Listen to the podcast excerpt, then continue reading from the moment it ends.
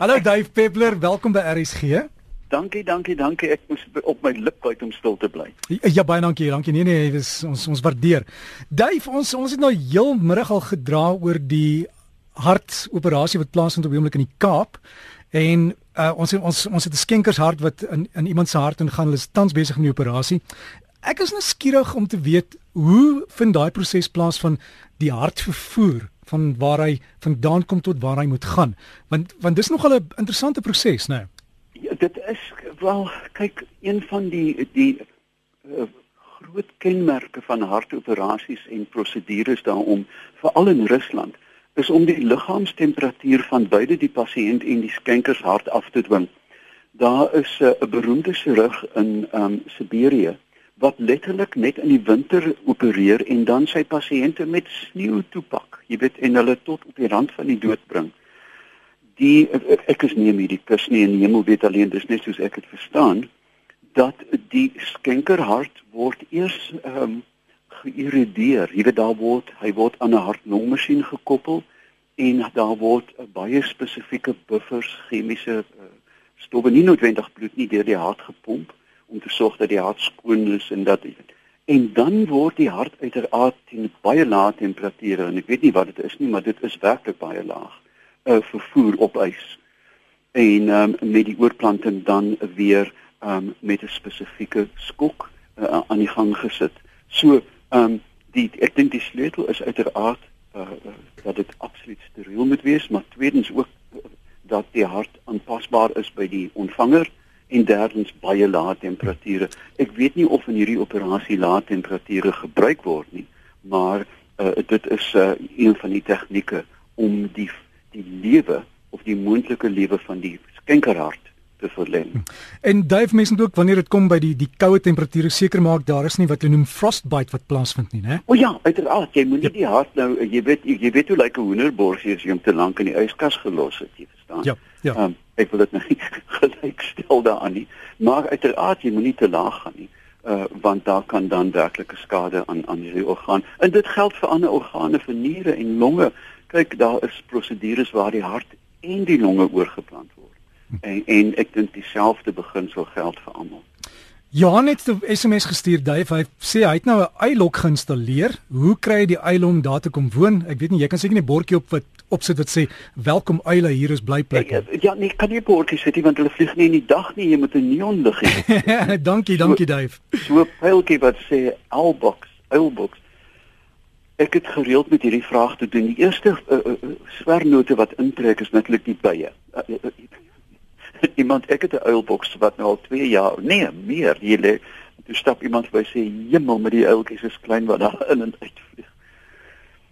Eerstens moet jy bepaal watter soort uilboks. Daar is die gevlekte ooruilboks en dit is nie dieselfde as die nonnetjie uilboks boks nie. Nonnetjie uile wil in 'n gang afstap. Dis ou mm -hmm. mense en dan reg of links draai en dan waar gevlekte ooruile nie 'n gang nodig het. Tweedens het jy 'n substraat nodig in die allerbeste uh vloerbedekking vir 'n uilboks is 'n kombinasie van dennenaalde en grouwe grouwe sand. Uh moet dit nie net die vloer skoon hou nie. En dan uh, nog getroffe. Ja, dan moet uiteraard uile in die omgewing wees. Daar moet um inteendeel 'n surplus van uile wees. Jy kan nie daarso um muise vasmaak en hoop dat hulle die stomme goed gaan vang nie. Ek dink jy moet die boks ook so plaas nie te na aan die grond nie. Ten minste uh, daarom 'n uh, 5 of 7 meter van die grond af. Ook so 'n plaas dat die son nie direk daaraan skyn in die somer nie.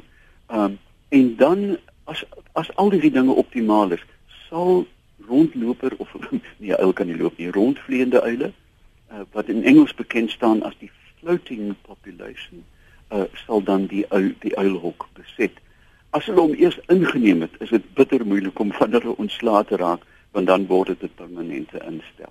Ja, Dave, ek het onlangs mos ek bome uh, wat 'n dak beskadig het sny en ek het die ouens wat die bome sny gesê daar is eile in een van die bome as jy by die boom kom met die eile in, sny hulle nie die boom af nie. Ja, nee nee. En, kyk daar ja. is um, gevorderde lande uh, met uh, met gevorderde bosbou uh, praktyke. Sal byvoorbeeld voor kalkap van bome sal hulle die hele um, eenheid of die die kompartement besoek en en en roofvoëlneste word dan gemerk en gelos. Ja. Ehm um, ek dink dit is 'n baie beskaafde ding om te doen. Uh bosbou verander daar teestel dramaties. Daar is selfs neigings nou in Suid-Afrika om die publiek te buffer teen kaalkap en 'n ry of twee bome te los teen die pad. Ehm uh, en dieselfde geld dan vir roofvoëls, vir al die die kuifkoparende crested eagle, uh die neste word gelos. Dan 'n vraag oor huisdiere. Iemand vra hoekom is net die kat en die hond huisdiere en nie ander diere nie want jy kan byvoorbeeld 'n meerkat, jy kan hom hans groot maak maar as jy hom by 'n wille groep gaan sit is hy dadelik saam met hulle. Ja, die, die daar's 'n baie eenvoudige rede dit dat beide honde en katte is hoogs funksioneel. Um eerstens geteel. Katte is rotvangers. Um en hou die huis skoon van knaagdiere. Dit is so eenvoudig soos dit. Um en dit is heel moontlik hoekom katte ook aangetrokke was tot die mens want voor die kat gekom het het die rot gekom. Daar was 'n verdigting van prooi vir katte. Uh nie vir honde nie. Honde moes gevoer geword het. Honde is nader gelok om jou op te pas, die buurman te byt, um ander om wolwe dan weg te hou. Um en selfs daar was oorloghonde. Jy weet die Ire het met reusagtige honde en ander nasies letterlik aanvalshonde gehad. So die honde en katte het funksies gehad. 'n Meerkat um, is 'n irritasie wat jou klein kinders byt. Jy weet en jou wakker maak as jy wil slaap. Daar is geen ander troeteldiere wat so funksioneel is as die hond en die kat nie. Um ek meen varke uh, is sindelike diere as jy vir hom in die huis wil aanhou. Ek is ernstig. Mens kan dit doen. Jy weet van hierdie klein potbellied varkies. Um Maar jy weet 'n vark lê net in winde maak die hele tyd, jy verstaan, en jy moet uh, koes en vensters oopmaak. Wel honde en katte ook. Uh, maar hierdie twee is spesifiek by die mens aangepas as werkdiere. Dave, dan 'n ander SMS, dubbeldoor eiers, gaan daar twee kuikens uitbroei? Nee. Ehm um, ek, daar was nou eendag dink ek op hoe verklaar jy dit so 'n vraag wat ek dan die vader nie beantwoord het nie, maar soos dit het, het is dat die eier, die standaard eier is optimaal in grootte. Kyk, eier bestaan nie net uit dooier en uit uh, uit uit die uit, uit die wit van die eier nie. Daar's ook 'n lugsak wat wat verseker dat die ontwikkelende voeltjie kan asemhaal. Nou as jy twee van hulle daarin het, is daar werklik 'n wesenlike probleem. Een vir lewensruimte, hulle verdring mekaar, maar twee ook vir die normale fisiologie van die eier om weet ordentlik asem te haal. Soms Soms word daar tweeetjies uh, uh, ontpop, maar hulle is gewoonlik ernstig verswak. En as jy hulle nou nie haans groot maak, as jy tog dink aan 'n 'n kyk en haans groot maak, is die kans vir oordewing bitter skraal. So nee, uh, normaalweg nie. Duif dan die brande wat nou in die Kaap gewoed het en nog steeds plek plek is daar nog brande. Is dit 'n normale siklus vir daai deel van die wêreld? Is daar plante wat die brand nodig het om te ja. kan voortgaan? Kyk, die soos met die ou dae van springbokke wat vry geloop het dan was nie heininge nie. Uh in die voortyd voordat mense hier gekom het het fynbos in die orde in die algemene orde van elke 15 tot 20 jaar gebrand. En dit is deur klipstortings of weerlig. Dan het reusagtige ek weet daar brande het vir weke aangehou. Intussen het ons huise gebou en paaie en dorpe in die pad van hierdie brande en ook dat die die eenheid van brand het kleiner geword. As ons dit oorbeskerm soos onmoontlik die geval hier was, dan kan brande werklik hand uitruk. Maar al die gebiede wat gebrand het, ek praat nie van inheemse woudjies nie. Almal van hulle is ingestel op die brand om die plantegroei tipe te verjong. Dit moet gebeur. Weet jy direk dat in in in Swede uh in in reg genoot weet 40 50 grade noord is die brandsiklus van die Sweedse woude presies 100 jaar. Jy kan gaan kyk na die na die merke die jarene van die bome. Ek het so 'n bakkie wat hier voor my staan dat al om die 100 jaar brand daai woude en dan brand dit laat dit bars. So brand is nie die die die buitengewone nie. Dit is hoe ons dit beleef.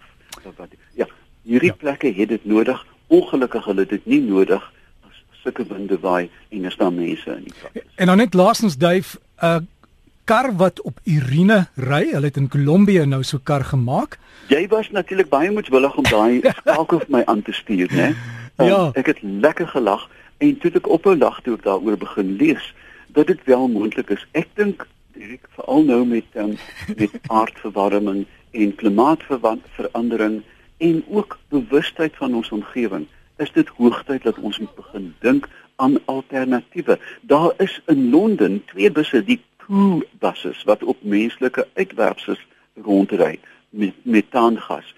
Ek meen as jy baie wag, nou moet ek versigtig wees, Marita gaan naar word. As jy baie boontjies opeet en die winde van verandering begin waai, you you catch my drift. En jy hou 'n vuurhoutjie waar die wind waai, is daar 'n pragtige blou vlam. Don't try this at home. Is al wat ek kan sê.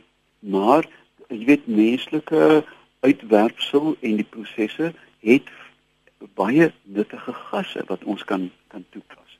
Met ander woorde, ja, dit is heeltemal moontlik en ja, ons moet meer en meer daarna kyk. Kyk, ek wil nie laat daai voertuig wat beide uh, ontlasting of Irene in 'n ongeluk kom. Daar wil jy ja, David, as jy as jy moet gaan volmaak, waar stop jy, jy weet? As jy moet gaan volmaak, jy kyk jy maak met 'n emmer vol, jy maak met 'n Ja, ja, ek kom David, dis dis genoeg. Ek ek okay. dink ja, volgende keer, ek volgende keer. Beter nou ophou. Ja. David, waar kan mense jou kontak? Ek gaan vanaand nou 'n bietjie 'n pos oor oor hoe buses en P-buses. Ehm um, en kyk gerus by my Facebookblad, uh davepeppler.co.za. Dave, dankie vir alles en lekker hand vir jou. Dave Peppler gaan soek op Facebook, jy sal al die inligting daar kan ook hierdie storie van die motor wat op Irene kan ry.